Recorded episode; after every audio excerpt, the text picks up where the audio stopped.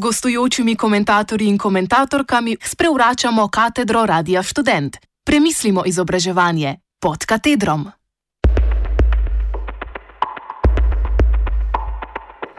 Raziskava o spolnem nadlegovanju na filofaksu.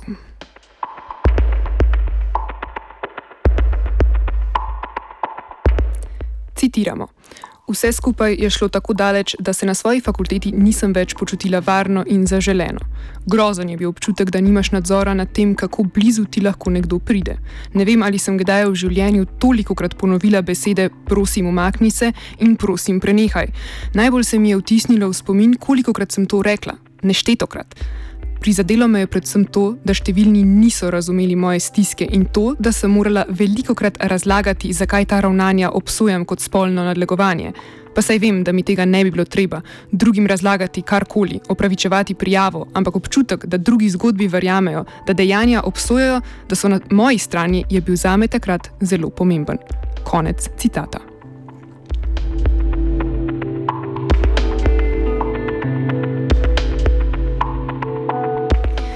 Izhodiščni navedek je pričevanje ene izmed intervjujanih študentk, ki je sodelovala v pilotni raziskavi o spolnem nadlegovanju med študentsko populacijo na Filozofski fakulteti Univerze v Ljubljani.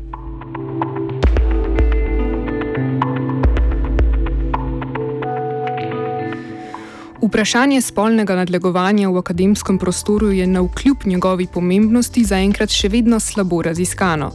Namen pilotne raziskave, katere rezultate vam danes predstavljamo, je bil preučiti, katera dejanja študentke in študenti razumejo kot spolno nadlegovanje in ali so v času študija na fakulteti spolno nadlegovanje doživeli. Raziskavo so opravile magisterske študentke Tina Bizjak, Neža Jagodic, Mojca Suhovršnik, Urška Turk in Sara Ugrin pod mentorstvom profesora profesorice Milice Antič Gabr. Poleg kvalitativne metode polstrukturiranih intervjujev je bila izvedena tudi kvantitativna raziskava na priložnostnem vzorcu študentk in študentov filozofske fakultete.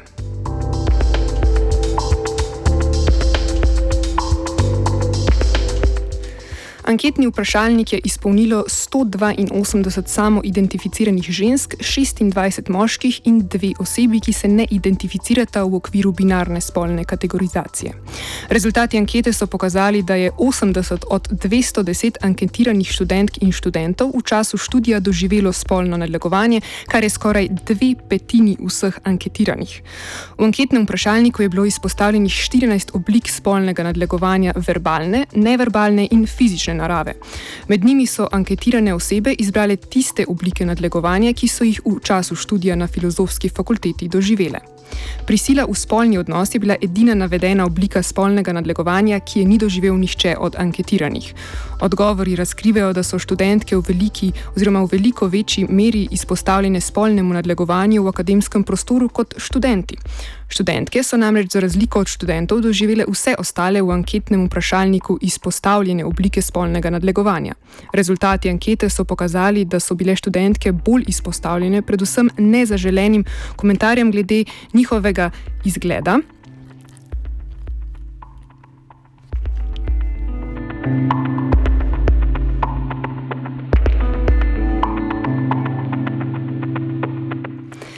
Rezultati ankete so pokazali, da so bile študentke bolj izpostavljene predvsem nezaželenim komentarjem glede njihovega videza, oblačenja in telesa, nedobrodošlemu osvajanju ter prejemanju nezaželenih sporočil s spolno vsebino. Dve študentki sta poročali o tem, da sta doživeli tudi izsiljeni poljub. Najbolj razširjena oblika spolnega nadlegovanja tako med študentkami kot študenti so bile seksistične šale, zgodbe, opaske in pripombe.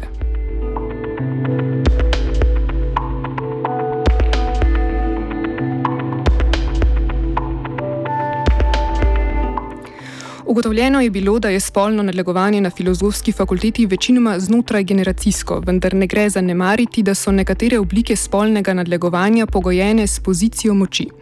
Anketirane osebe so namreč skoraj pri vseh naštetih dejanjih kot nosilko oziroma nosilca dejanja označile tudi predavateljice oziroma predavatelje.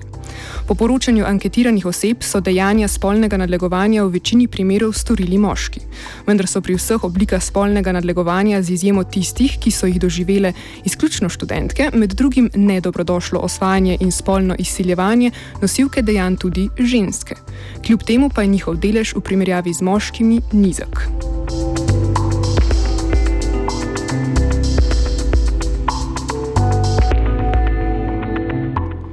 Študentke in študenti, ki so v okviru filozofske fakultete doživeli spolno nadlegovanje, se na njih niso znali odzvati. Največkrat so se del delali, kot da se ni nič zgodilo. Nekaj pa se jih je odzvalo s šalo ali pa niso storili ničesar, ker so se počutili nemočne. Le 10 odstotkov oseb z izkušnjo spolnega nadlegovanja je storilko oziroma storilca prosilo naj izravnanjem preneha.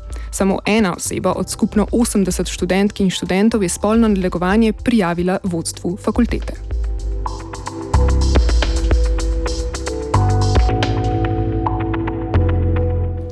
Odziv na spolno nadlegovanje je pogojen z obliko spolnega nadlegovanja, s katero se posameznica oziroma posameznik sreča. Pričakovati gre, da so meje sprejemljivega najbolj trdno postavljene pri najbolj eksplicitnih dejanjih fizične narave. To potrjujejo tudi rezultati raziskave, saj se je izkazalo, da študentke in študenti pod pojmom spolnega nadlegovanja v največji meri prepoznavajo predvsem slednja. Ker so glede na rezultate ankete na filozofski fakulteti v večji meri prisotna manj eksplicitna dejanja, torej verbalno in neverbalno nadlegovanje, moramo njihove odzive razumeti tudi znotraj tega okvira.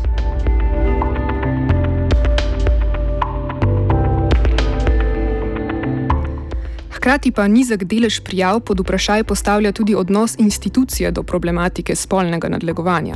Meje spremljivega so, kot omenjeno, sicer subjektivno postavljene, vendar so te vedno odsev ponotranjenih norm, ki odražajo institucionalno organizacijo in družbeno sprejete vrednote.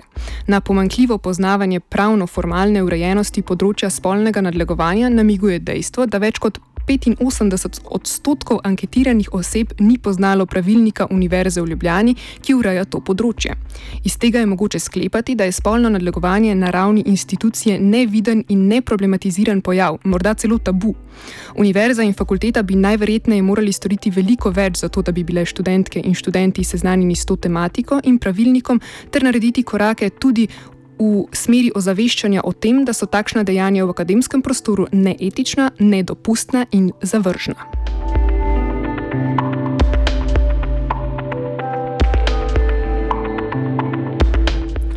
Senzibilizacija vseh zaposlenih in študentske populacije za to temo je torej ključna za reševanje problema spolnega nadlegovanja.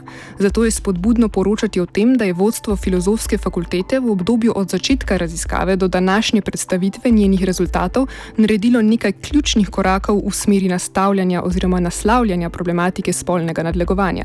Z novim študijskim letom 2020-2021 bodo študentkam in študentkom oziroma študentom na voljo tri za to področje strokovno usposobljene zaposlene osebe. Gre za kader, na katerega bi se v primeru izpostavljenosti spolnemu nadlegovanju najraje obrnilo največ anketiranih oseb. Korak naprej predstavlja tudi akcija ozaveščanja, ki se bo v prvih dneh oktobra odvila na fakulteti. Namen slednje je povdariti, da tudi v akademskem prostoru velja ničelna toleranca do vseh oblik spolnega nadlegovanja.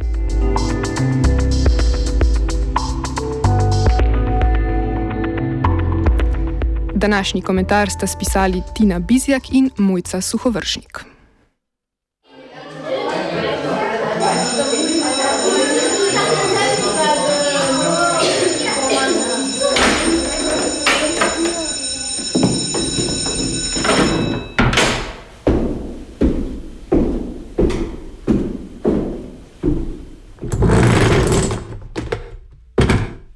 Gostujočimi komentatorji in komentatorkami sprevračamo katedro Radia Student. Premislimo izobraževanje pod katedrom.